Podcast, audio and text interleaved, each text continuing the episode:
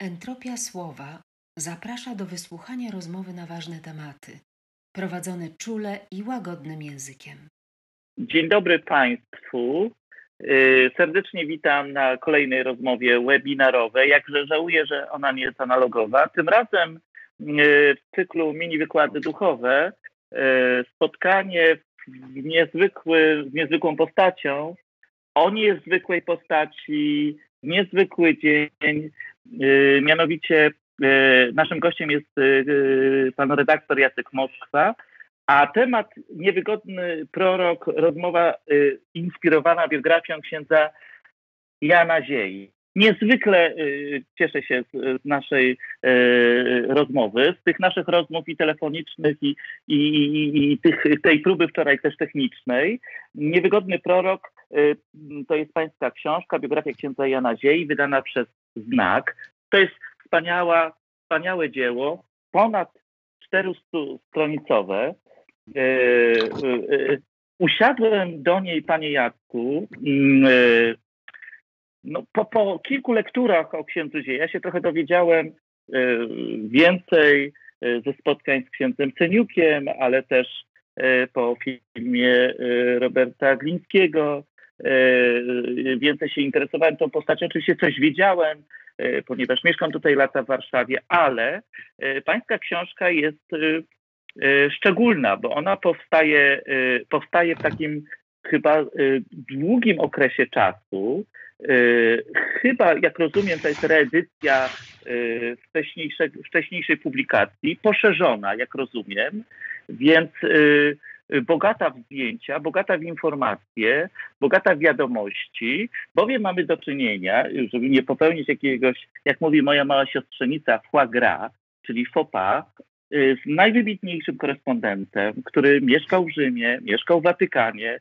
E, przez kilkadziesiąt lat y, kojarzymy, jeśli kojarzymy go z dobrym głosem, e, to właśnie z panem, panie Jacku, w telewizji, e, którego nam brakuje i też wyrażę tę opinię tutaj publicznie i, i o tej tęsknocie też państwo pewnie jeszcze usłyszycie. Bardzo dziękuję Panie Jacku za tę książkę, bo usiadłem do niej e, miesiąc temu, jak Pan wie, kiedy rozmawialiśmy i właściwie połknąłem ją w jeden wieczór. Nawet chyba udowodniłem to, kiedy e, powiedziałem, że dostałem tę książkę, już ją mam i, i właściwie usiadłem o godzinie 18, o drugiej w nocy już miałem ją przeczytaną, potem usiadłem, zrobiłem notatki. Mam nadzieję, że dzisiaj będzie, będzie słychać, mm, będzie słychać e, w pytaniach naszą, naszą ciekawość, ciekawość tej postaci i też e, pańskiej pracy nad tą książką. Więc zaczynam takim długim wprowadzeniem od gratulacji i od podziękowań, że pan dzisiaj przyjął zaproszenie.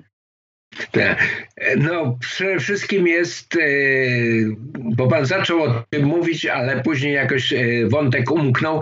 Dzisiaj jest rocznica urodzin księdza Jana Ziei, 1897 rok. No, wieś... urodziny. Tak. E, wieś Osse, to Osse, on mówił, chociaż teraz nazywa się ta Ossa. E, Osse koło, właściwie w gminie Odżywół, e, koło Opoczna, jednym słowem. Urodził się ksiądz Jan Zieja, jeden z najniezwyklejszych, moim zdaniem, ludzi w polskim kościele. I chcę też e, powiedzieć, mm, dopowiedzieć e, do pańskiej mm, bardzo miłej dla mnie prezentacji tej książki, to nie jest reedycja. Ja e, trzydzieści kilka lat temu, no to jest nawet ponad 35 lat temu, przeprowadziłem taką długą rozmowę wielodniową z księdzem Zieją, która stała się później podstawą książki wydanej najpierw w Paryżu, a teraz już w XXI wieku wznawianej trzykrotnie w Krakowie w znaku. Yy, ta książka się nazywa yy, Ksiądz Jan Zieja, Życie Ewangelią spisane przez Jacka Moskwę. Yy, I to jest osobna publikacja, a teraz po latach widząc zainteresowanie tą postacią i zainteresowanie także czytelników wydawnictwa Znak, ale nie tylko, e, wspomniał Pan o filmie, o różnych innych tutaj festiwale, całe były księdza Ziei. Postanowiłem rozliczyć się trochę z moim życiorysem i napisać taką gruntowną biografię księdza. Jestem nie do końca z niej zadowolony, bo pracowałem w warunkach pandemii, zamkniętych bibliotek, zamkniętych archiwów no, pandemia sprzyja autorskiemu skupieniu, ale jednocześnie mm, utrudnia kontakty, natomiast ułatwia mm, pozyskiwanie materiałów od osób prywatnych. Wszyscy, do których się zwróciłem, inne osoby, które pisały o księdzu Ziei, albo ludzie, którzy mają jakieś jego archiwalia, po prostu otwierali przede mną i serce, i swoje archiwa, także to, to był czynnik sprzyjający. No i książka już jest y, promowana w takich okazjach y, internetowych. Zobaczymy, jak to się przełoży na na, na sprzedaż, na zainteresowanie czytelników, no, e, są też plusy i minusy. Jak mawiał Wałęsa, plusy dodatnie i ujemne. Dodatnie i plusy inne.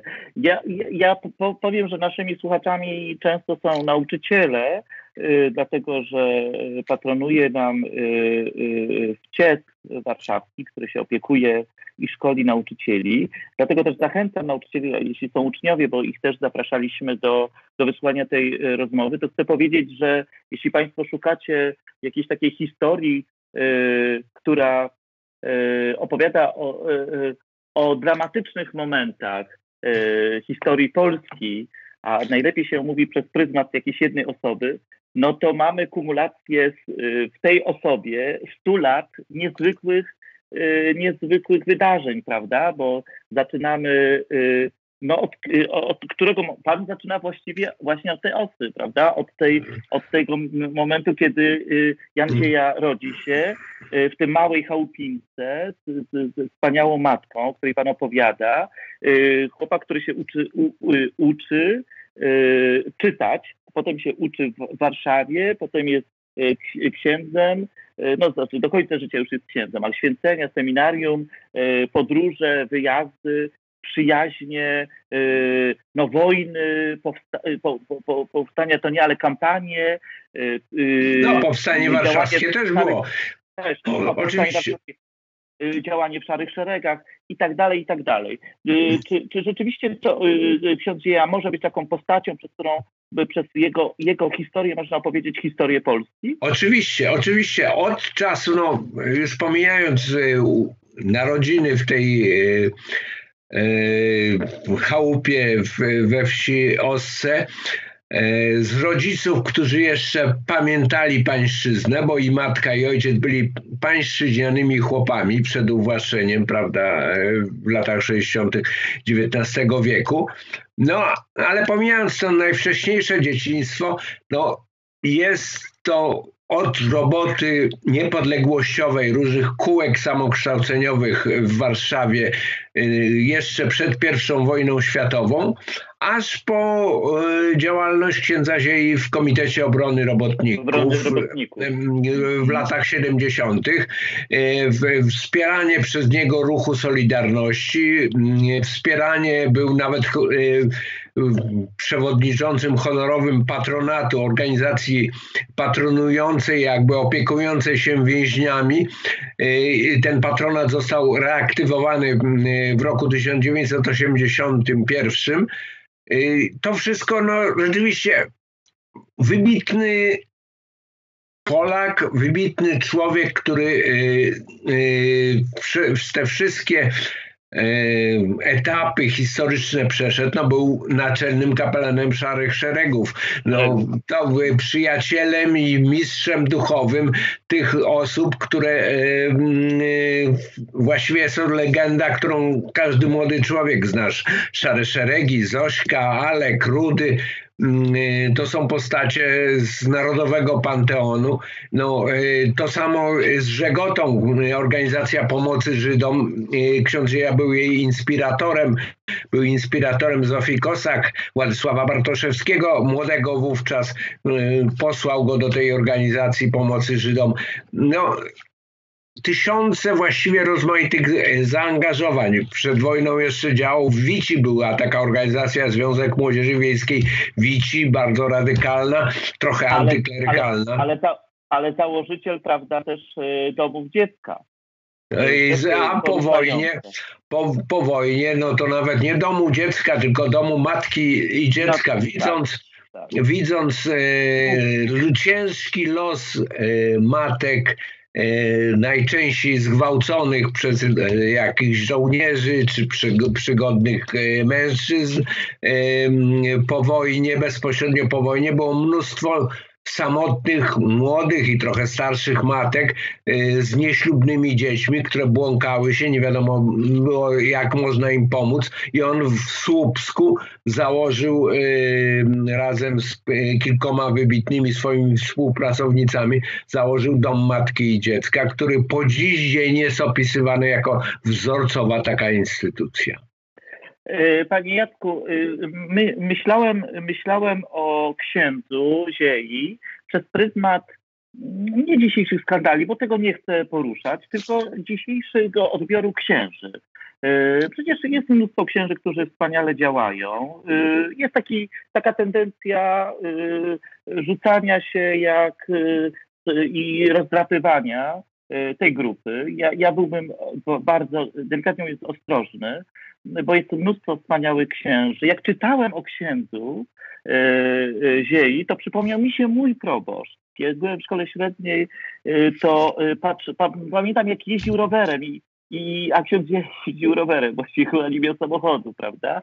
Chcę powiedzieć, że, że mnóstwo księży jest na świecie, w Polsce, w naszych miejscowościach, które robią naprawdę dużo, pracują dużo, modlą się, są pobożni, przyzwoici i tak dalej. Ale jest coś szczególnego, żeby, żeby też nie, nie wpaść w taką słodkość, a nie chodzi o Y, o księży, tylko y, o księdza Zieje dzisiaj, dokładnie, że, że on naprawdę był, miał coś wyjątkowego w sobie. To znaczy, jeśli mówimy, że księża potrafią pracować, potrafią dużo robić, że potrafią skupić się, działać, potrafią być, jak mówię, modli, modlitewnie zaangażowani, uduchowieni, to Zieja jest pośród nich jakąś nieprawdopodobną wyjątkiem, herosem. I przyszło mi dzisiaj, kiedy biegałem rano, pomyślałem, jak, no, jak go rozgryźć, no bo tam jestem ciekawy takich osobowości, jak one miałyby wpłynąć na moją osobę. No to przypomniała mi się definicja świętości, która jest u nas też nadużywana. My się wstydzimy, jak e, niedawno rozmawiałem o słowie niebo, to właściwie Polacy wszyscy, tak jak z teatrem, z filmem, wszyscy mówią, powinniśmy chodzić do teatru, no ale y, za bardzo nie chodzimy. Jak mu zadaliśmy pytanie, czy chcieliby pójść do nieba, no to wszyscy, ale tam jest nudno. No i ze świętością też tak jest. No niby chcemy być święci, ale właściwie to się krępujemy tego słowa, delikatnie mówiąc. Ale źródło słów i antropo, a, a, a, e, etymologia słowa świętość jest z żydowskiego słowa goim, czyli goj, inny. Zieja jest po prostu inny, nieprawdopodobnie inny. Nie, że odstaje od tej, tej większości, tylko, tylko się nieprawdopodobnie wyróżnia nieprawdopodobnie jest pracowity, nieprawdopodobnie rozmodlony. I pamiętam, że rozmawiałem z biskupem Janochą, ale z księdzem y, właśnie po, po, filmie, po filmie Roberta Glińskiego, z samym Robertem Glińskim. Mam takie wrażenie, że podobie, widzę jakieś to, to podobieństwo i analogię między nim a, a papieżem Franciszkiem ta szczerość, otwartość, prawda, która pozwala na to, żeby, żeby być bezkompromisowym i innym też mówić yy, prawdę, bo jakby sam zachowuje taką czystość i prawdę w sobie. No to widzę i przebija to w książce yy, i w pańskich opowieściach. No na pewno ksiądz jest takim wzorem, mógłby być wzorem dla wielu księży. Dla wielu księży jest. E, e, ta zbieżność z papieżem Franciszkiem jest dosyć oczywista. E, on, ksiądz Dzieja był z ducha franciszkański. No, taki jest też papież Franciszek. Ja czasem mówię, że ksiądz Dzieja wyśnił sobie takiego papieża. Takiego papieża, który, który tak jak on chciał żyć w ubóstwie, no papież Franciszek pierwszą rzecz, którą zrobił, to wyrzekł się apartamentu papieskiego. Ja bywałem w apartamencie papieskim. To było po prostu duże mieszkanie typu włoskiego urządzone przedwojennymi meblami. Żaden luksus. Tak. I papież tam mieszkał, nie zwracał na to wszystko uwagi. Ale dla papieża Franciszka mówię nasz papież, a, czyli Jan Paweł II, dla papieża Franciszka i to było za dużo. Poszedł do hotelu i mieszka w pokoiku y, hotelowym. Więc to jest taki gest, y, gest y, po prostu spektakularny, ale jednocześnie pokazujący drogę tego powrotu do źródeł. I teraz ja bym nie uciekał od tematu skandali w kościele, y, także w kontekście księdza Ziei. Otóż Mm, pan na pewno o tym czytał, bo to jest w pierwszych e, stronach tej książki opisana taka historia, że on kiedy był na stacjach różnych w Warszawie mieszkał jako ten młody uczeń gimnazjalista, trafił do takich ludzi bardzo niewierzących i antyklerykalnych. A wtedy bardzo głośny był mm, skandal związany z osobą zakonnika, który się, który się nazywał Macoch. I ten macoch tam miał kochankę na Jasnej Górze, no, jakaś zbrodnia została popełniona. I ci ludzie bardzo chętnie w rozmowie z młodym człowiekiem widzieli, że on jest wierzący i już wtedy chodziło mu po głowie, żeby zostać e, księdzem. No podciągali, wyciągali tę całą sprawę, a on mówi, no właśnie dlatego, że tacy są ludzie jak ten Macoch, to tacy ludzie jak ja powinni iść do kościoła i być dobrymi księżmi, bo jeśli by, był zły zakonnik Macoch, to Kościół bardzo obciąża. Dla niego, dla księdza Ziei kapłaństwo było czymś niesłychanie wzniosłym. On się zapalał. On zresztą bardzo przeżywał w taki mistyczny sposób. Mówił, ukazywał, że ta struktura kościoła jest pionowa, że tam na górze jest Chrystus, a on ma jako kapłan ma to wspaniałe e, wspaniały przywilej, że może Chrystusa sprowadzić na ołtarz. I w, w tym momencie no, był w, jakimś uniesieniu, kiedy to mówił. Ja byłem też na premierze filmu pana Roberta Glińskiego. E, zresztą twórcy korzystali też oczywiście z e, tej książki Życie Ewangelią, bo to jest właściwie jedyny taki całościowy do, dokument życiorysu księdza Ziei. E, bardzo podziwiam Andrzeja Seweryna. Mogę powiedzieć, że jestem z nim zaprzyjaźniony ale nie podobał mi się bardzo, bo jak człowiek widzi e, przed oczyma duszy kogoś prawdziwego, no to nawet e, tak wspaniały autor, e, a wspaniały aktor, ale i autor też rozmaitych tekstów o aktorstwie, jak Andrzej Seweryn, no nie, to jest coś innego. Ja powie, powiedziałem mu parokrotnie, zresztą był trochę na mnie zły, że to mówiłem, że pan by potrafił nawet Pana Boga zagrać, jak trzeba by było i zrobiłby Pan dobrze, ale to nie jest, to nie jest yy, yy, ksiądz Zieja. Ksiądz Zieja był jednocześnie w tym wspaniałym swoim prorockim uniesieniu, był jednocześnie człowiekiem niesłychanie po, pokornym, a on takiego proka zagrał Andrzej Seweryn, ale takiego mocnego, takiego pouczającego, piętnującego. I to, to, to jakby trochę rozmijało się z moim wspomnieniem. Ja mam zresztą, ja mam inne wspomnienia o księżach. Mnie nie trzeba udowadniać, że są też dobrzy księża, bo ja całe lata 80. pracowałem u księży. Poznałem wspaniałych różnych księży.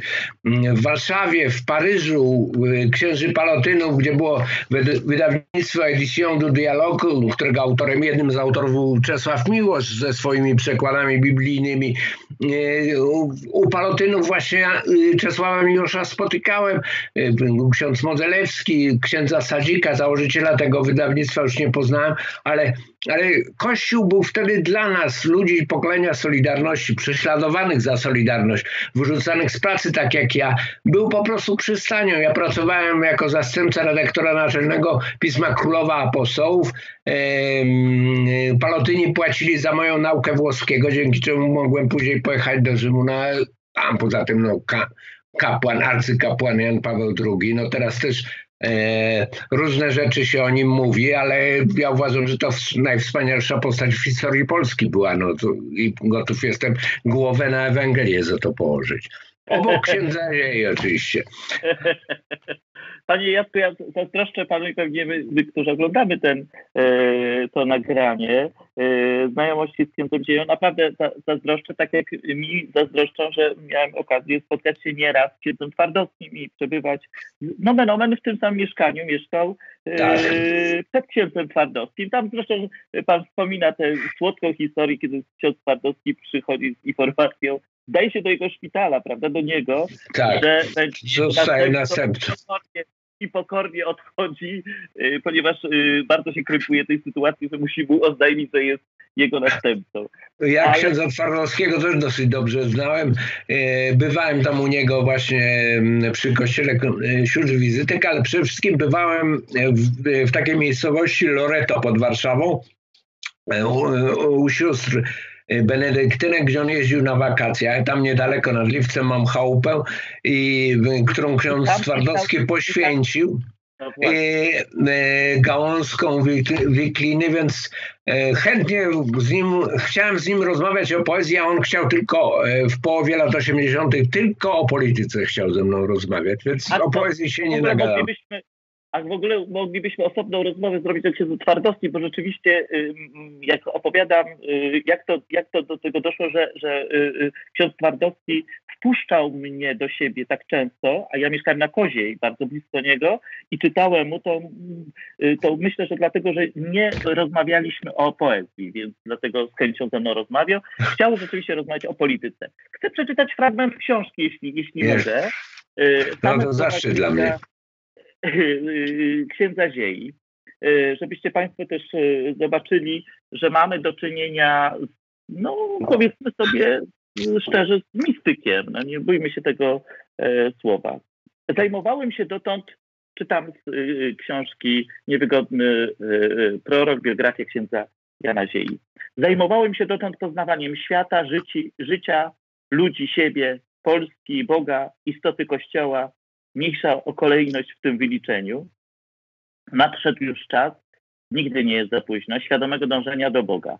Wszystkimi aktami życia, całym wysiłkiem swojej woli, jeżeli inni mogli narażać to życie dla, już nie mówię, ratowania innego życia, na przykład zabłąkanego w przepaści górskiej turysty, ściągnięcia w dół martwych zwłok e, z oblodzonego urwiska lub dla przejścia nową drogą przez stromą ścianę górską czego by nie warto się podjąć, by osiągnąć Boga, by innych tam prowadzić. Więc dalej w drogę, na wysokie strome skały.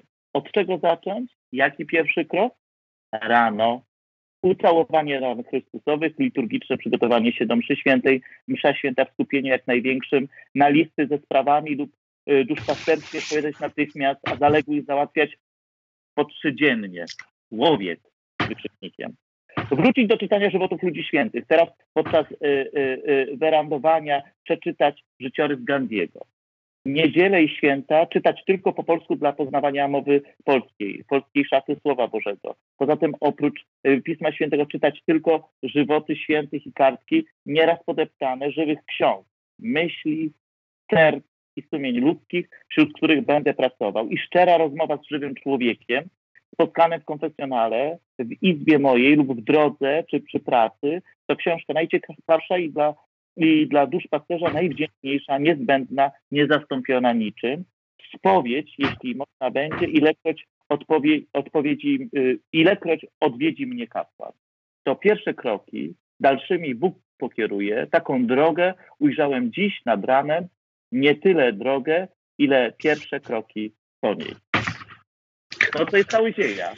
no co, e, e, oczywiście e, mistyk, ale jednocześnie e, bardzo zanurzony w sprawy społeczne. E, I z tego między innymi wynikało to, że był tak wspaniałą postacią. Znaczy, e, teraz jest moim zdaniem Kościół i w ogóle chrześcijaństwo stoi przed y, wielkim y, problemem. Mianowicie ludzie y, odchodzą od kościoła nie tylko dlatego, to jest na, jakby na dalszym planie, że są, że są jakieś skandale, bo te skandale zawsze były. Jak się studiuje historię kościoła, to bywało gorzej. Natomiast jest kryzys wiary, bo pewne tajemnice wiary są trudne do zrozumienia, do racjonalnego wyjaśnienia. I, i jeśli przestały działać tak zwane dowody na istnienie Boga. Były filozoficzne dowody na istnienie Boga. E, różni, nawet wybitni filozofowie tym się zajmowali. Teraz to ludzi po prostu jakoś nie kręci, nie rusza ich. Natomiast o księdzu Ziei powiedziano, że on jest dowodem na istnienie Boga. Ja pierwszy raz e, to określenie usłyszałem od Jacka e, Kuronia. E, już po śmierci księdza Ziei kręciliśmy film, w którym były jego autentyczne zdjęcia. Jedyny film, w którym jest autentyczny ksiądz Zieja. Nakręcone to było kilka lat wcześniej. E, no i dodawaliśmy do tego e, świadectwa różnych osób, takich jak właśnie Jacek Kuroń, które o nim opowiadały. I e, Kuroń był wtedy bardzo zajęty, bo był już w rządzie mazowieckiego ministrem pracy. E, spotkaliśmy się w Sejmie i on wtedy mi powiedział, że e, ksiądz Zieja jest dla niego dowodem na istnienie Boga. A Jacek, mogę tak o nim mówić, bo byliśmy na ty. Jacek miał trudności z wiarą w Boga.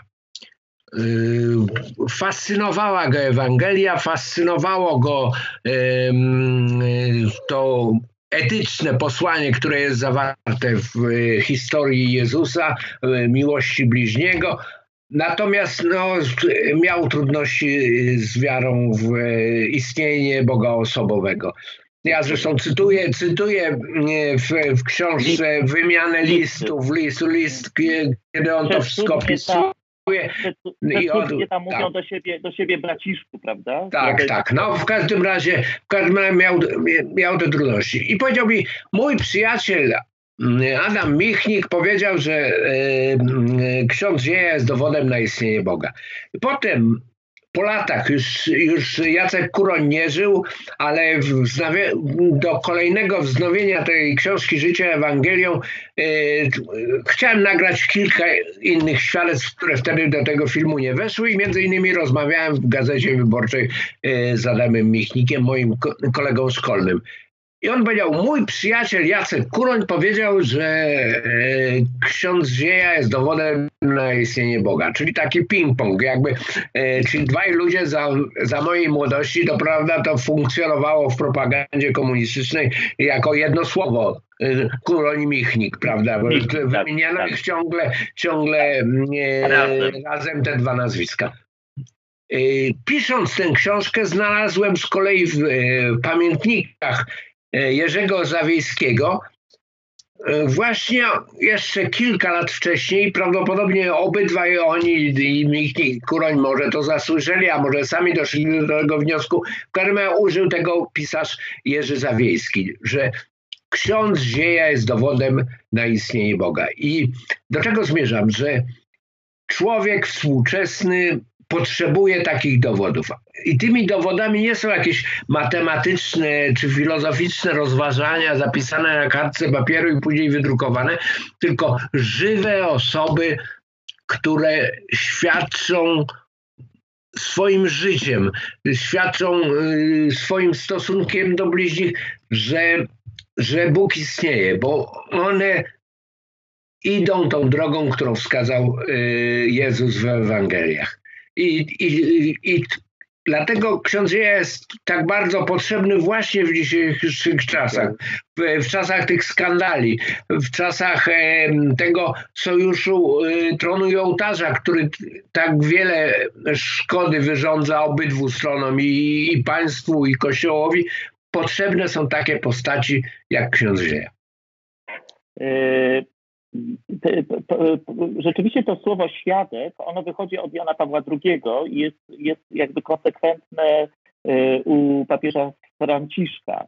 E, a to, że świadczy i nie jest to pozorowane, nie jest to efekciarskie, nie jest to e, PR-owe, prawda, no, wynika z tego, że on czyta Ewangelię. To często pan podkreśla w swojej książce, że właściwie nie ma dnia, kiedy by nie rozważał Ewangelii. On, on nią jest zafascynowany. I potem te Ewangelie ja wczoraj z Michałem Grygolcem, który realizuje dzisiejsze łączenie, ja codziennie biegam, więc dzwonię do różnych znajomych i opowiadam, czym żyję. Więc mówię, słuchaj, jest taka historia, Michał, że on jedzie do, do, do, do Rzymu i tam spotyka jedną osobę. No to jest to jest opowieść jak, jak, jak, jak z kosmosu, jak z bajki, prawda?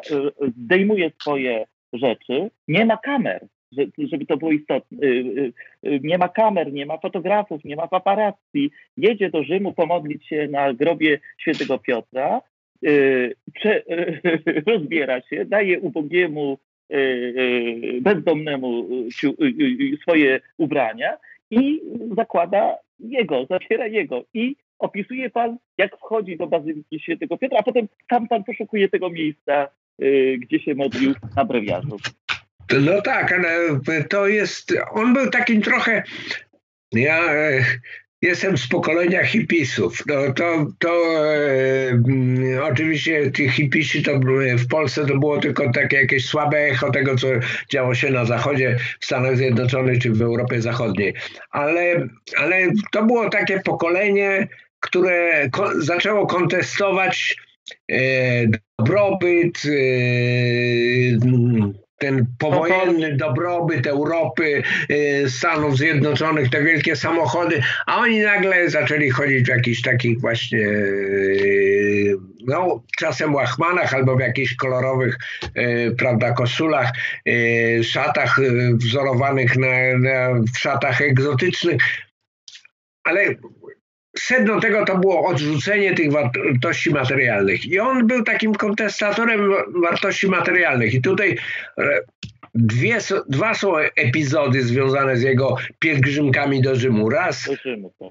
e, udał się piechotą bez paszportu, bo doszedł do wniosku po zamachu majowym e, marszałka Piłsudskiego, doszedł do wniosku, że te bratobójcze walki wynikają z tego, że w ogóle na świecie są granice. No i postanowił te, te, przeciwko tym granicom zaprotestować w ten sposób, że y, poszedł do, do Rzymu z pielgrzymką, ale bez paszportu. No i właściwie doszedł do Wiednia, przekroczył granicę najpierw polsko-czechosłowacką, potem czechosłowacko-austriacką. Y, jakoś go przepuszczali. E, tam już księża polscy jakoś go trochę mm, e, no nie związali, ale zatrzymali, dosłano mu paszport, cofnął się z tego, z tego mm, Wiednia w roku 1926, ale później w latach 30. już pojechał pociągiem i w pociągu na Polesiu, bo pracował wtedy wśród y, też biednych ludzi na Polesiu, w najbiedniejszym y, województwie ówczesnej Rzeczypospolitej, czyli w pińskim województwie. No i wyobrażamy sobie, jak mógł wtedy wyglądać jakiś pociąg, prawdopodobnie jedyna linia kolejowa i w pociągu spotkał żebraka z tymi szatami jakimiś śmierdzącymi, na wpół zgniłymi. Oddał mu swoją sutannę, a sam e, zabrał te, te mm, szaty żebraka i rzeczywiście do nich dojechał i jakoś go wpuścili do, nawet do Bazyliki Świętego Piotra, a ja tam sobie, mm, jest taka e, kaplica Świętego Józefa i tam siadając e, wyobrażałem sobie, zresztą to jest wysoce prawdopodobne, że to było tam, bo to, ta kaplica ma, w Bazylice Świętego Piotra ma jakieś takie specjalne znaczenie e, do tego stopnia, że tam papież e, chyba Franciszek też, ale w każdym razie za moich czasów Jana Pawła II i, i papieża Benedykta to tam papieże y, spowiadają. Właśnie tam jest y, konfesjonał, w którym siedzi papież i różne osoby y, do niego przychodzą ze swoimi grzechami. A no, papież no. z kolei te, też się, nie wiem, czy akurat tam się spowiada, czy gdzieś indziej, ale znałem księży, którzy byli spowiednikami papieża, bo papież też się spowiadał. No, y, nie, dziwię się, że, że to miejsce sobie wybrał, bo był też y, znanym spowiednikiem. A spowiedź to przecież y, rozmowa i trzeba powiedzieć, że ksiądz Dzieja mm, nie tylko, nie tylko wysłuchiwał, ale rozmawiał. nie tylko otrzymywał listy, ale też pisał listy, prawda? On był takim człowiekiem dialogu i to nie jest znowu na potrzeby naszej rozmowy i nie dlatego, że dzisiaj urodzinowa, urodzinowa uroczystość, ale y, y, słuchał i, i mówił, prawda? Nie bał się, nie bał się mówić. Widzę to, widzę to y, właściwie, właściwie to chyba naj, najbardziej, najbardziej fascynująca, każda strona jest ciekawa z pańskiej książki, ale najbardziej fascynująca jest ta opowieść z księdzem prymasem Wyszyńskim, ta zażyłość i ta przyjaźń pełna fascynacji wzajemnej i gorzkich doświadczeń, prawda? Czy możemy coś o niej powiedzieć więcej? No, e, zacznijmy od tego, że oni mieli wspólnego e, mistrza, powiedziałbym, też księdza, wybitną postać polskiego kościoła, księdza Władysława Korniłowicza. Ksiądz Korniłowicz pochodził z rodziny która właściwie odeszła od kościoła, była taka nastawiona pozytywistycznie. No i on y, jednak w swoich poszukiwaniach doszedł y, z powrotem do wiary, której jego rodzina utraciła i y, był bardzo wybitnym kapłanem i miał taki dar pozyskiwania ludzi niewierzących albo na przykład Żydów, e, którzy mm, e, w swoich poszukiwaniach po prostu do niego trafiali. Miał takie kółko, które skupiało ludzi o bardzo różnych światopoglądach i z tego kółka wyszło bardzo wiele powołań, e, także zakonnych, bo to kółko było związane z zakładem, w ogóle z dziełem Matki Czackiej, niewidomej zakonnicy, która założyła zakład w Laskach, założyła e, zgromadzenie sióstr franciszkanek Służebnic Krzyża. On był ojcem duchowym tego, tego, tego, tego zgromadzenia. Matka Czacka ma być w maju e, beatyfikowana razem z prymasem Wyszyńskim.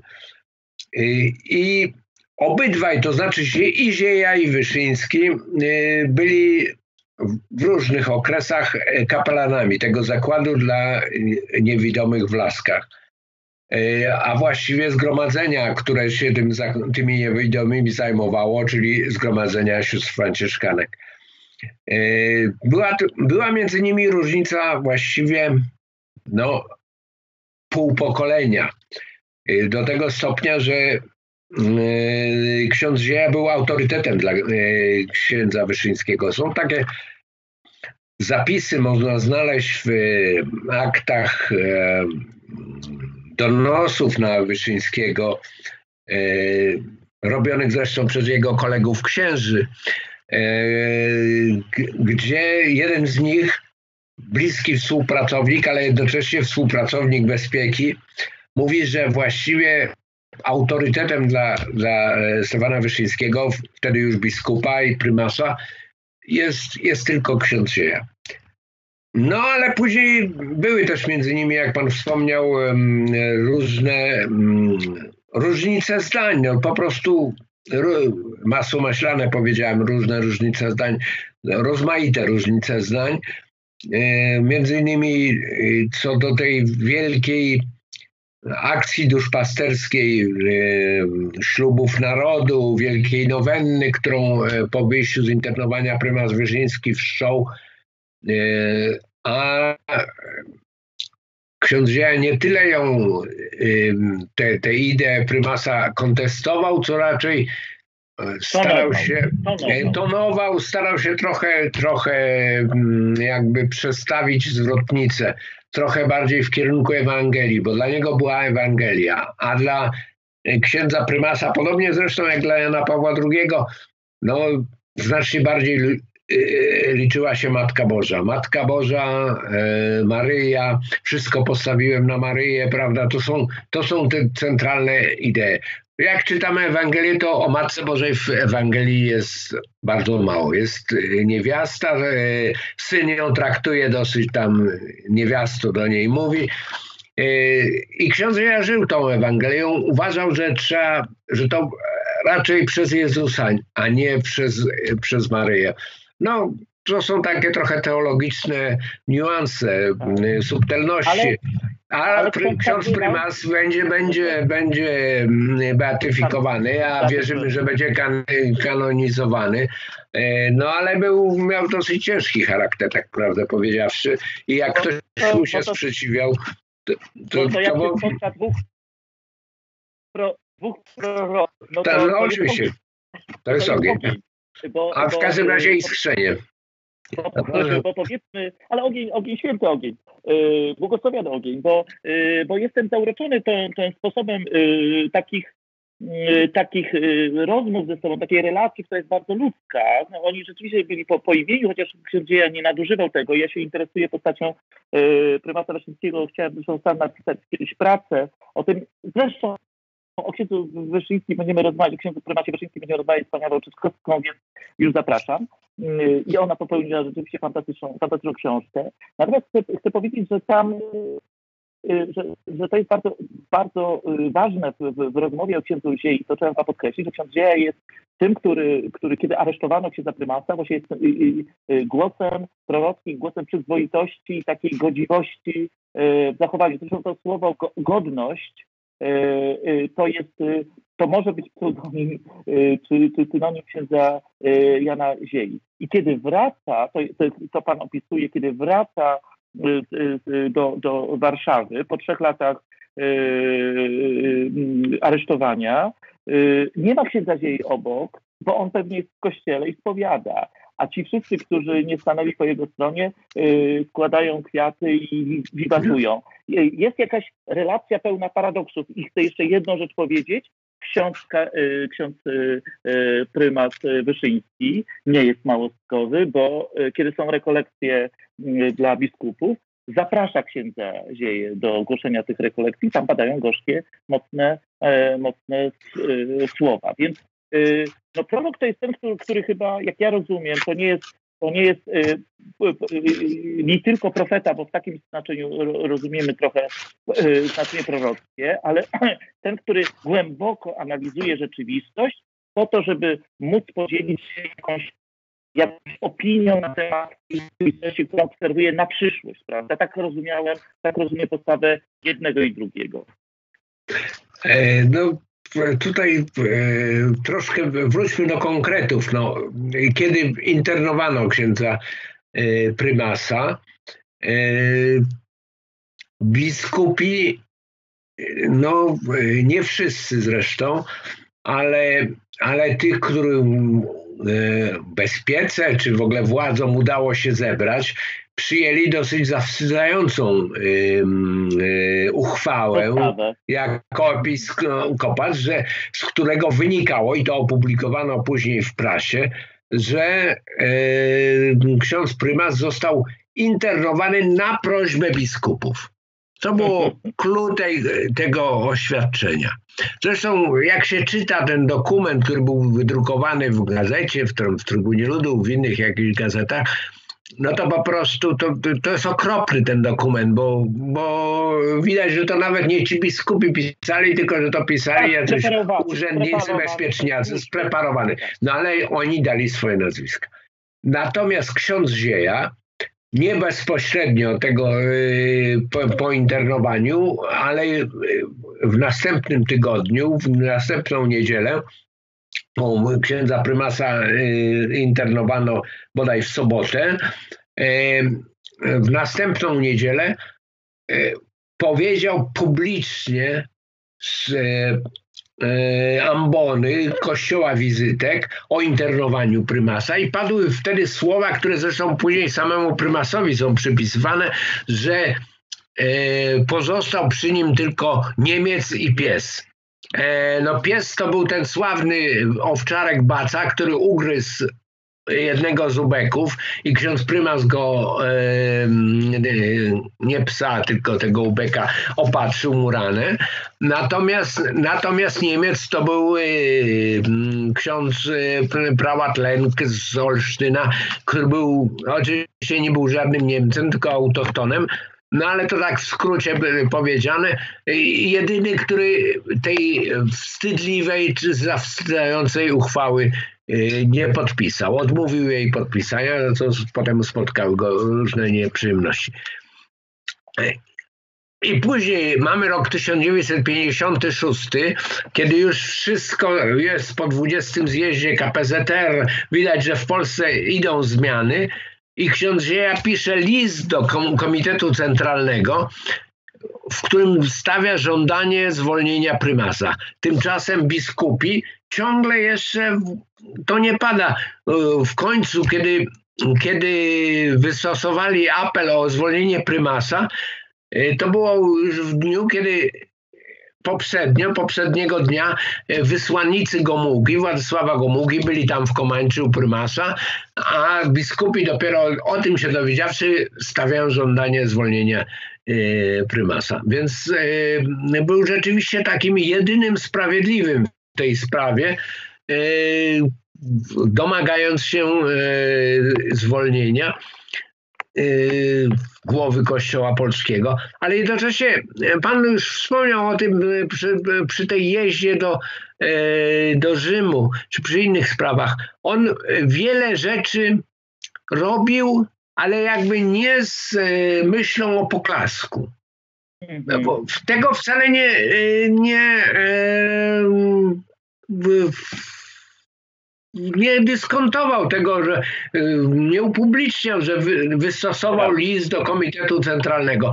To zostało odkryte dopiero w, kilkadziesiąt lat później w jego archiwum, ten list. A w, w tym KC prawdopodobnie gdzieś zginął. On po prostu złożył, składał rozmaite e, memoriały do papieża, Piusa XI, potem Piusa XII, do, do naszego papieża też pisał, ale jakoś nie dbał o to, żeby to było upublicznione. Tak samo te jego rozmaite buntownicze gesty. Y, ksiądz Zieja y, zawsze y, marzył o tym, żeby mieć parafię i on miał parafię w proboszczem kilkakrotnie, dwu albo trzykrotnie, to pan mi poprawi, w różnych miejscach, ale mówił, że ksiądz prymas mówił, że ta, jego, jego patrzenie na parafię jest utopijne. No, lepiej gdyby użyć słowa ewangeliczne, to, to brzmi, bo Ewangelia jest utopijna e, w, w, w, w takim sensie może symbolicznym, nawet niedosłownym. E, ale oprócz tego, że był, że był księdzem, oprócz tego, że był człowiekiem dialogu, oprócz tego, że był społecznikiem, oprócz tego, że, oprócz tego, że był naukowcem, to był też poliglotą. Tak, ale może jeszcze, bo wątek nam umyka. Tu chciałbym bardzo silnie podkreślić. On bardzo konsekwentnie odmawiał przyjmowania pieniędzy za posługi religijne. Uważał, że to jest rodzaj jakiegoś skandalu, że istnieje prawda, taki taryfikator, cennik, przecież te, te zasady obowiązują także współcześnie, no, że za ślub tyle, za pogrzeb tyle, e, za chrzest tyle. On y, przyjmował pieniądze dobrowolnie składane na, na kościół, y, kiedy miał tą pierwszą swoją parafię na, y, na Polesiu, ale to nie był taryfikator. Natomiast e, nie mógł dostać e, parafii w, e, w swojej macierzystej diecezji sandomierskiej.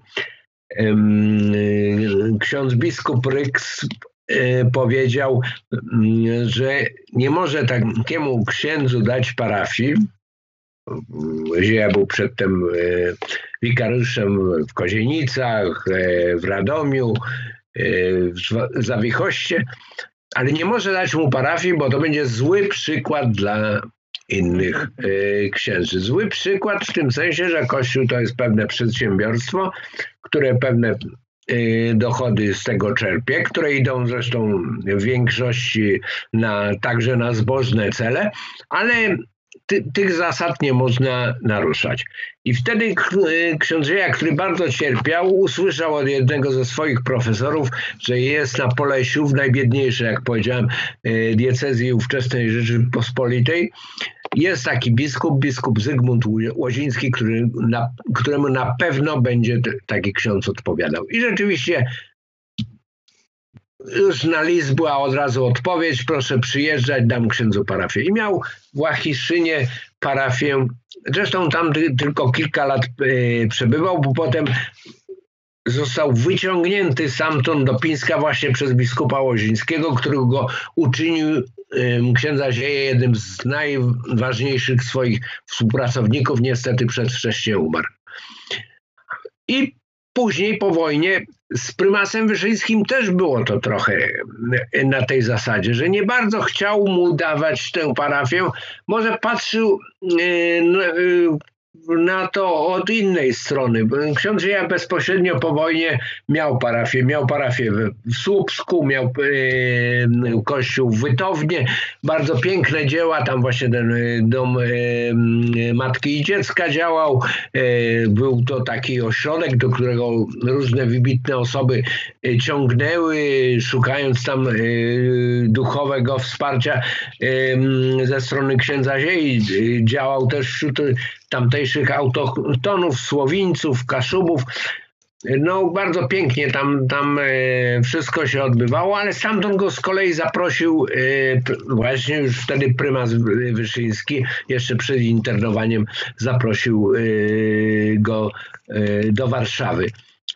I w, w warszawskiej parafii na Woli też Później właśnie ksiądz prymas Wyszyński robił mu nawet pewien zarzut z tego, że tam no nie bardzo to wszystko funkcjonowało. Nie, nie funkcjonowało to ten mechanizm kościoła jako dobrej organizacji parafii, która jest e, organizacją społeczną, ale e, także pewnego rodzaju przedsiębiorstwem. Ksiądz ja pod tym względem nie był, nie był specjalnie praktyczny. I druga rzecz, o której też powinniśmy powiedzieć, bo to nam umknia już bardzo Y, dosyć długo rozmawiamy. Mianowicie on był zwolennikiem tego, co my dzisiaj nazywamy non-violence, czyli wyrzeczenia się przy, walki przy pomocy yy, walki yy, przemocą. Bez przemocy. Bez przemocy, tak. E, padło już tutaj w, w, tym, co pan mówił, nazwisko Gandiego. Czy, nie, to w, czytał właśnie te wzorce, e, jakie sobie stawiał Grządzieja. Wtedy, to były lata 50., e, w Zakopanem to zapisywał pod wpływem jakby lektury wspaniałych tych opowieści o, o ratownictwie górskim, że jeśli ludzie ratują innych w górach, to on chce ratować te dusze. W każdym razie był zwolennikiem wyrzeczenia się przemocy, tak jak Gandhi. Gandhi był dla niego od bardzo wczesnych lat wzorem, ale ksiądz Wieja do tego doszedł jeszcze wcześniej. Na polu bitwy w, e, pod Brostowicą Wielką w czasie wojny z bolszewikami w 1920 roku. Jesienią, we wrześniu 1920 roku bolszewicy już się wycofywali tutaj spod Warszawy, z centralnej Polski i y, pod tą Brzostowicą to była wielka, wielodniowa bitwa nad Niemnem. Ksiądz ja tam jako kapelan chodząc po, po bojowisku wśród trupów, wśród rannych doszedł do wniosku, że przykazanie nie zabijaj znaczy nie zabijaj nigdy nikogo. Jeśli mówimy o tym, E, że ksiądz Jan mógłby być wzorem także dla młodzieży współczesnej, także dla współczesnych chrześcijan, to ta, ta sprawa jest bardzo ważna. Tego, te, tego, yy, nie, tego nie, yy, nie zabijaj nigdy nikogo. Yy, on Wspominam, wspominaliśmy już, był kapelanem w 1920 roku, był kapelanem Dywizji Strzelców Poleskich w 1939 roku. Tam zresztą już w niewoli, dostawszy się w niewoli w Modlinie, e, poproszony został przez Niemców, żeby dla, dla nich e, posługę duszpasterską świadczyć. E, potem był kapelanem Komendy Głównej Armii Krajowej, był kapelanem Szarych Szeregów, tych młodych chłopców, którzy szli zabijać często po jego kazaniach, ale jest w tym pewien para, paradoks, że był kapelanem wojskowym, był kapelanem żołnierzy, a jednocześnie twardo stał na stanowisku nie zabijaj nigdy nikogo. Na czym to polegało? Otóż on dawał bardzo dużą autonomię ludzkiemu sumieniu. Mówił, pyta, pytali go o to różni ludzie. Ja go pytałem, Adam Michnik go pytał, inni jego przyjaciele. Jak to jest, że ksiądz był kapelanem w czasie wojny, a jednocześnie mówił, że nie wolno zabijać? Tak, bo tak, ja jak można, jestem... być, jak można być pacyfistą, prawda? Tak, ja jestem od tego, żeby mówić, jak być powinno.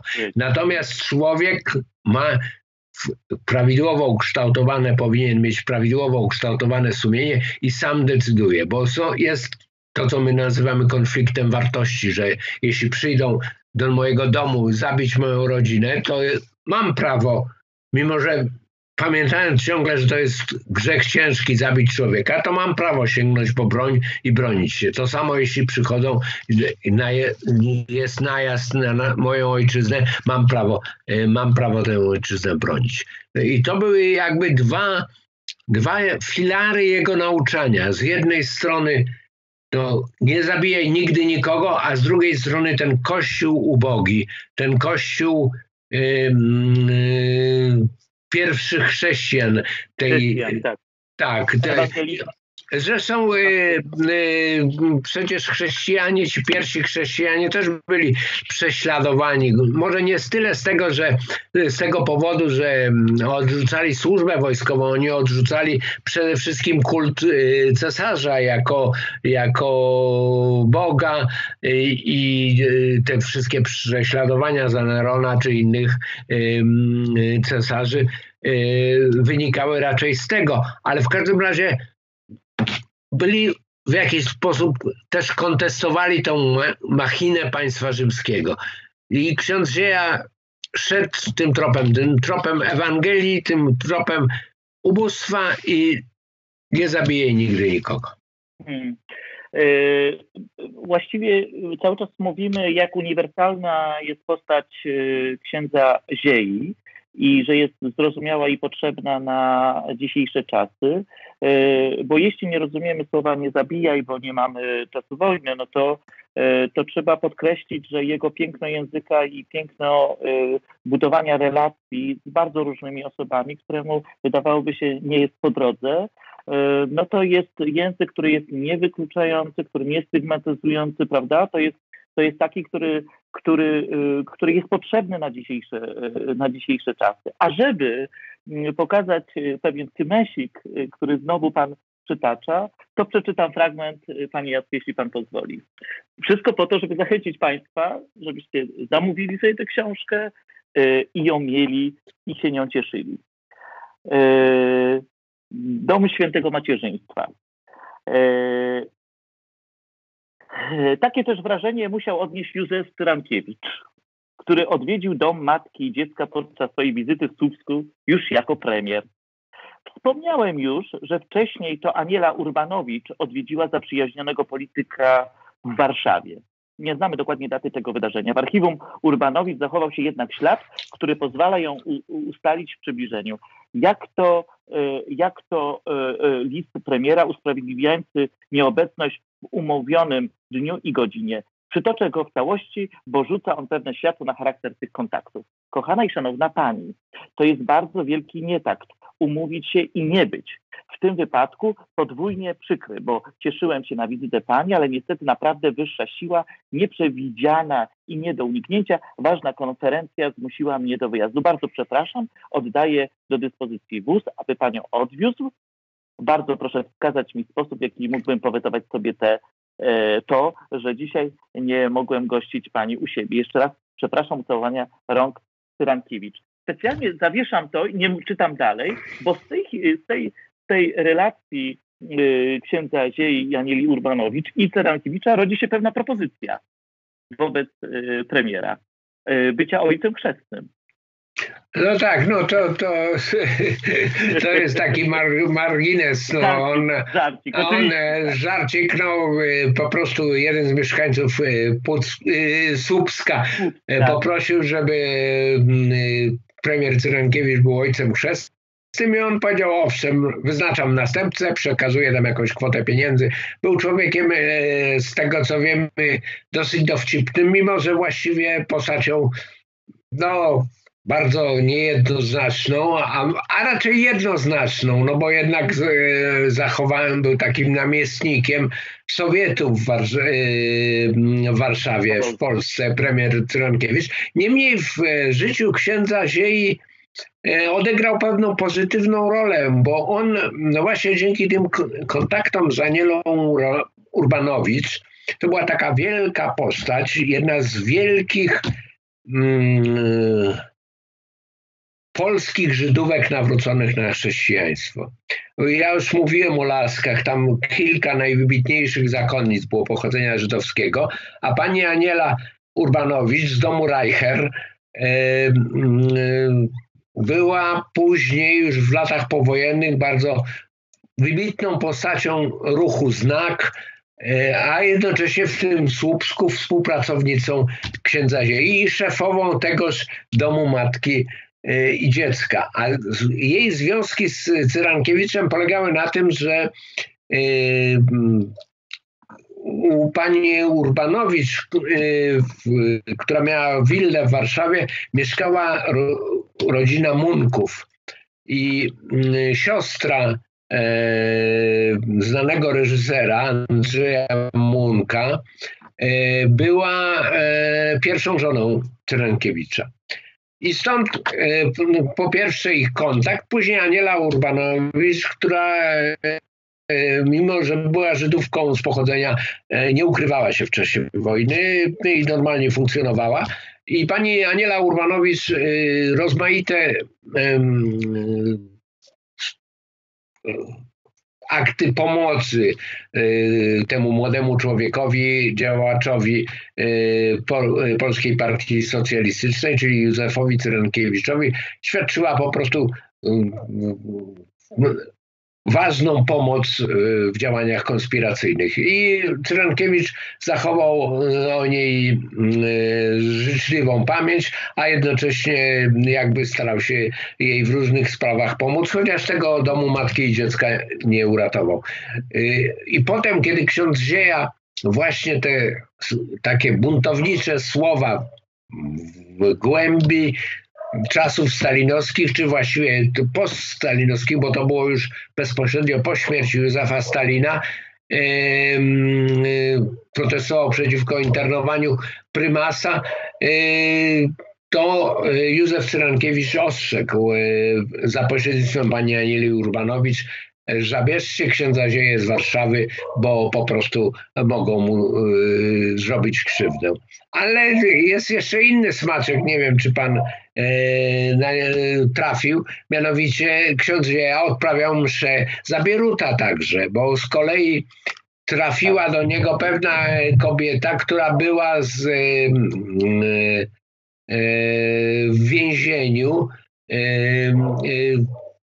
towarzyszką więzienia e, Małgorzaty Fornalskiej, która z kolei e, jeszcze w czasie pobytu e, była towarzyszką życia, partnerką Bieruta i miała z nim córkę, jeszcze zresztą żyjącą we współczesnej Polsce. I, z kolei matka Małgorzaty Fornalskiej prosiła o odprawianie mszy i też są świadectwa, zachowały się na ten temat dokumenty mówiące o, e, o, o tym, że odprawiał ksiądz Dzieja mszę za e, Bieruta. Ale za Bieruta modlił się, bo pan mówił o prymasie Wyszyńskim. Internowany przez Bieruta prymas Wyszyński też się modlił za, za Bieruta.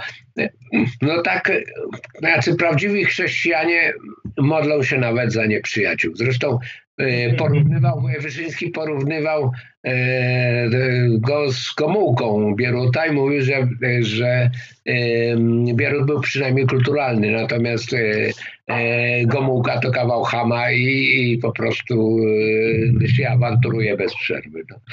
Była między, między Gomułką a Wyszyńskim była taka była taka mm, po 1956 roku takie wieczne te próby sił, y, które mm, swoje apogeum miały przy okazji y, mm, przy okazji y, tysiąclecia chrztu.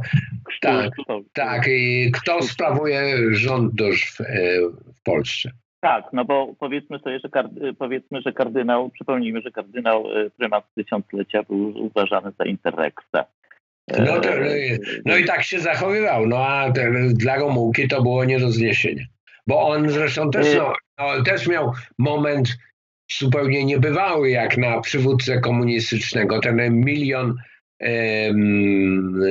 Słuchaczy osób na wiecu. na wiecu, na placu defilat, no to, to było coś. Ja muszę powiedzieć, nie, nie widziałem tego, miałem wtedy 8 lat, Pan to nie, nie może pamiętać, bo pan jest młodszy, ale, ale ja miałem wtedy 8 lat i pamiętam transmisję radiową tego wydarzenia, bo ośmioletnie dziecko to już dobrze wszystko pamięta. No i to było, to było rzeczywiście poruszające. Ja pamiętam ze zdjęć, y, bo prowadziłem spotkanie z Tomkiem Jastrunem, więc on tam to zdjęcie umieścił, przemawia właśnie do, y, na placu do tego tłumu ludzi i skandujących i, i pełnych owacji i nadziei. Ale y, to, to jest taki dobry jeszcze zaczyn do tego, y, co Pan powiedział, to słowo hamstwo, do, do sznytu intelektualnego i, i kulturalnego, który reprezentował ksiądz Zieja. Jednak on jest innej kultury. Y, I to, co powiedziałem, to, to, to, to o czym wspomniałem, że uczył się i znał języki. To też jest istotne, bo też tłumaczył, prawda, różne książki, fascynował się literaturą. On mówił, czytajcie, czytajcie raz, jeszcze raz y, y, czytajcie, prawda? Mówimy to trochę w kontekście uczniów i nauczycieli. No, języki warto, warto umieć. Ja uważam na własnym przykładzie, jeśli słuchają nas jacyś uczniowie, to uważam, że najważniejsze jest jedno z najważniejszych, co można w młodości nabyć e, taka umiejętność, to jest umiejętność języków. I trzeba powiedzieć, no e, jedni mają lepsze e, do tego predyspozycje, inni gorsze. Ksiądz Jan miał wybitne, wybitne, znał hebrajski, bo też nie mówiliśmy o jego wielkiej miłości do Żydów. Mm, znał hebrajski, znał grekę, znał łacinę, znał włoski, francuski, angielski. No i jeżeli nauczył się szwedzkiego, bo, bo przeczytawszy taki, e, taką książkę, którą e, napisał e, Doug Hammarskjöld, sekretarz generalny Organizacji Narodów Zjednoczonych, który zginął w katastrofie samolotowej w Afryce. Prawdopodobnie był to zamach na niego zorganizowany i po, po śmierci Daga Hammarskjölda w jego papierach znaleziono ten, ten traktat, bo to jest rodzaj traktatu też mistycznego. I okazuje się, że ten człowiek, który obcował z najwybitniejszymi mężami stanu ówczesnego świata, od y, królów i królowych po Mao Tse-tunga, po przywódców sowieckich, Chruszczowa, no znał wszystkich i starał się jakby mm, uniknąć przede wszystkim wojny jądrowej, która wtedy wisiała na włosku. Był jednocześnie głębokim mistykiem, takim trochę ponadwyznaniowym, pochodził z rodziny luterańskiej, ale, ale był, właściwie czerpał z różnych źródeł, także Bliskiego Wschodu. I ksiądz ja, usłyszawszy o tym w radio, rozmowę na temat tej książki, nauczył się szwedzkiego i przetłumaczył tą niesłychanie trudną książkę do tego stopnia, że potem została ona uznana za jeden z najlepszych w skali światowej przykładów tych drogowskazów. teraz jest to książka trochę zapomniana. Ale warto o niej. dwa wydania, ale warto o niej i może moje macierzyste wydawnictwo znak się kiedyś na to zdobędzie, że jeszcze raz ją wznowi. Y, panie Jacku, y, pan y, mówił o, o pożegnaniach, bo zbliżamy się też do końca naszej rozmowy, o pożegnaniach z księdzem Zieją i on nigdy nie mówił do widzenia, mówił idziemy do Boga. No I tak, tak. tak. Mówi do wszystkich.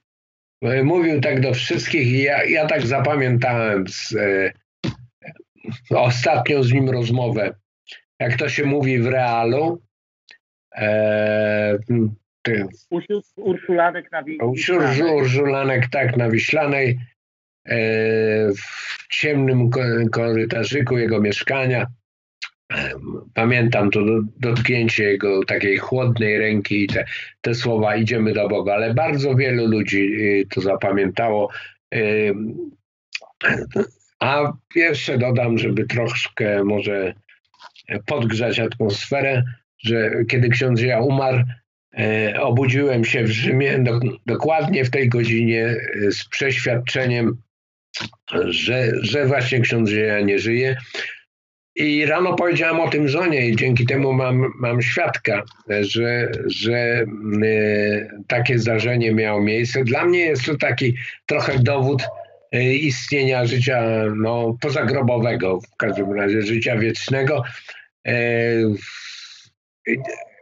prawami fizyki tego nie można wyjaśnić, bo nie istnieje jakiś telegraf, który by e, był między Rzymem a Warszawą. Bo ja nie wiem, czy powiedziałem, że to w Rzymie się obudziłem, więc to jest dobre 2000 kilometrów. Także, także ale to, to znowu jest w klimacie księdza Ziei, że nawet w życiu duchowym nie ma granic. Nie ma granic, tak jest.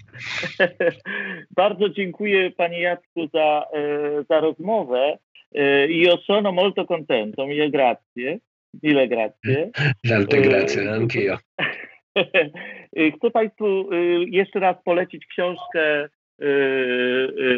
pana Jacka Moskwy Niewygodny prorok, biografia księdza Jana Ziei. Mam nadzieję, że się spotkamy analogowo w realu i będziemy jeszcze mogli raz porozmawiać z publicznością. To sobie obiecywaliśmy wczoraj i mam nadzieję, że to się szybko, szybko, szybko wydarzy. E, ja tylko chcę powiedzieć, że mm, nie ma, nie ma przypadku, dzisiejsza rozmowa nie ma przypadku, bo e, za dwa dni jest rozmowa o Ryszardzie Kapuścińskim. Z kolei to, to jest dokładnie w przeddzień jego urodzin, a, a pana Ryszarda Kapuścińskiego chrzcił ksiądz e, Jan Zieja. I nie ma przypadku, że za tydzień niemalże o tej, o tej godzinie, o 17 mamy 99. urodziny profesora Władysława Bartoszewskiego, no, który w rozmowie nieraz y, y, y, mówił, że wszystko, wszystko zawdzięcza księdzu Ziei, że ta spowiedź jego, jego taka osobista, nawet bym powiedział, bo, bo pamiętam, że mi też to opowiadał, na granicy histerii, a na pewno takiej niemocy, okazała się pełna energii, wyzwań, dodania takiej otuchy, no i Bartoszewski właściwie na nowo się rodzi, prawda? Możemy o tym... E, no, tak... to nie wspomnieliśmy, ale on był, on był, e, trafił do Oświęcimia i zresztą równolegle z rotmistrzem Pileckim późniejszym rozmistrzem, bo Pilecki jeszcze, tak. zresztą też nie wspomnieliśmy, nie możemy wspomnieć o wszystkim, bo na przykład przyjmował e, Witolda Pileckiego ksiądz Wieja przysięgę konspiracyjną. A Ale dlatego jest ta książka, żeby... Tak, żeby ją... tak, tak, więc te, te 500 stron mogłaby mieć 1000, bo po prostu jest mnóstwo wątków, a e, Władysław Bartoszewski, no oczywiście był pod pod wpływem księdza on jako pracownik Czerwonego Krzyża został z tego Oświęcimia zwolniony, trafił do względnie normalnej, ale jednak to była, nie była ziemia, ta, nawet ta okupacyjna Warszawa, a, a Oświęcim i on miał to w pamięci, tu jakieś y, tajne nauczanie, tutaj ludzie się spotykają, a, a on pamiętał ten Oświęcim, był kompletnie załamany i ksiądz Zieja powiedział mu, jeśli Pan Bóg cię stamtąd wyciągnął, to miał jakiś cel. I to, tym celem jest, żeby pomagać najbardziej zagrożonym. A kto jest najbardziej zagrożonym? Żydzi. I został inspiratorem tej organizacji pomocy Żydom e, Żegota, e, Żegota. którą założyła e, Zofia Kossak, ale Władysław Bartoszewski był jej asystentem, jej pomocnikiem i tam trafił. Więc jest mnóstwo. Mógłbym opowiadać jeszcze o, o Stanisławie Broniewskim-Orszy, naczelniku Szarek Szeregu, który też był po prostu no, duchowym synem księdza Ziei. Są przeceny, no, bo, bo teraz, teraz w tej pandemii to książki y, po prostu są tańsze, okazuje się, jak się je zwłaszcza kupuje w internecie, więc y, to nawet nie są przeceny, tylko takie promocje, więc bardzo zachęcam do, do kupowania i czytania tej książki, bo my tutaj, te, te, nasza rozmowa, chociaż świetnie przez Pana prowadzona, to tylko blade odbicie książki. No, namawiam, żeby ją czytać. Panie Jacku, zapewniam, że kiedy, kiedy prowadziłem spotkania na żywo, to y, autor nie tylko miał przyjemność y, rozmowy i spotkania się i prezentacji wielu rzeczy na ekranie, ale tego, że książki się świetnie sprzedawały. Ja mam nadzieję, że y, też taki efekt osiągniemy, ale proszę być pełnym nadziei, bo tak czy owak ludzie wracają w przeciwny sposób i cudowny też dzięki, pańskiej książce i dzięki księdzu Ziei y, wpadają na, na, na, na tę książkę, wpadną i mam nadzieję, że, że, że w, różny sposób będą ją nabywać i przekazywać. Panie Jacku, tymczasem ja bardzo dziękuję Panu jeszcze raz. Y, życzę zdrowia, ukłony dla małżonki. Życzę sobie y, więcej takich książek, y, bo to sprawia, że, że, że ja codziennie czytam jedną książkę, czyli w pandemii przeczytałem 300 książek. W tym czasie zalało mi książki i dokupiłem następne, więc, więc mam ich teraz 600 do przeczytania i mam więcej czasu. My mamy więcej czasu, żeby czytać, pan, żeby pisać. E, więc e, proszę o więcej, a tym, tym, tymczasem jeszcze raz bardzo, bardzo dziękuję. Ja również dziękuję. Pan przyjął zaproszenie. Wszystkiego no, dobrego. Ja dziękuję. Było to dla mnie zaszczytem w tak e, prestiżowym miejscu wystąpić.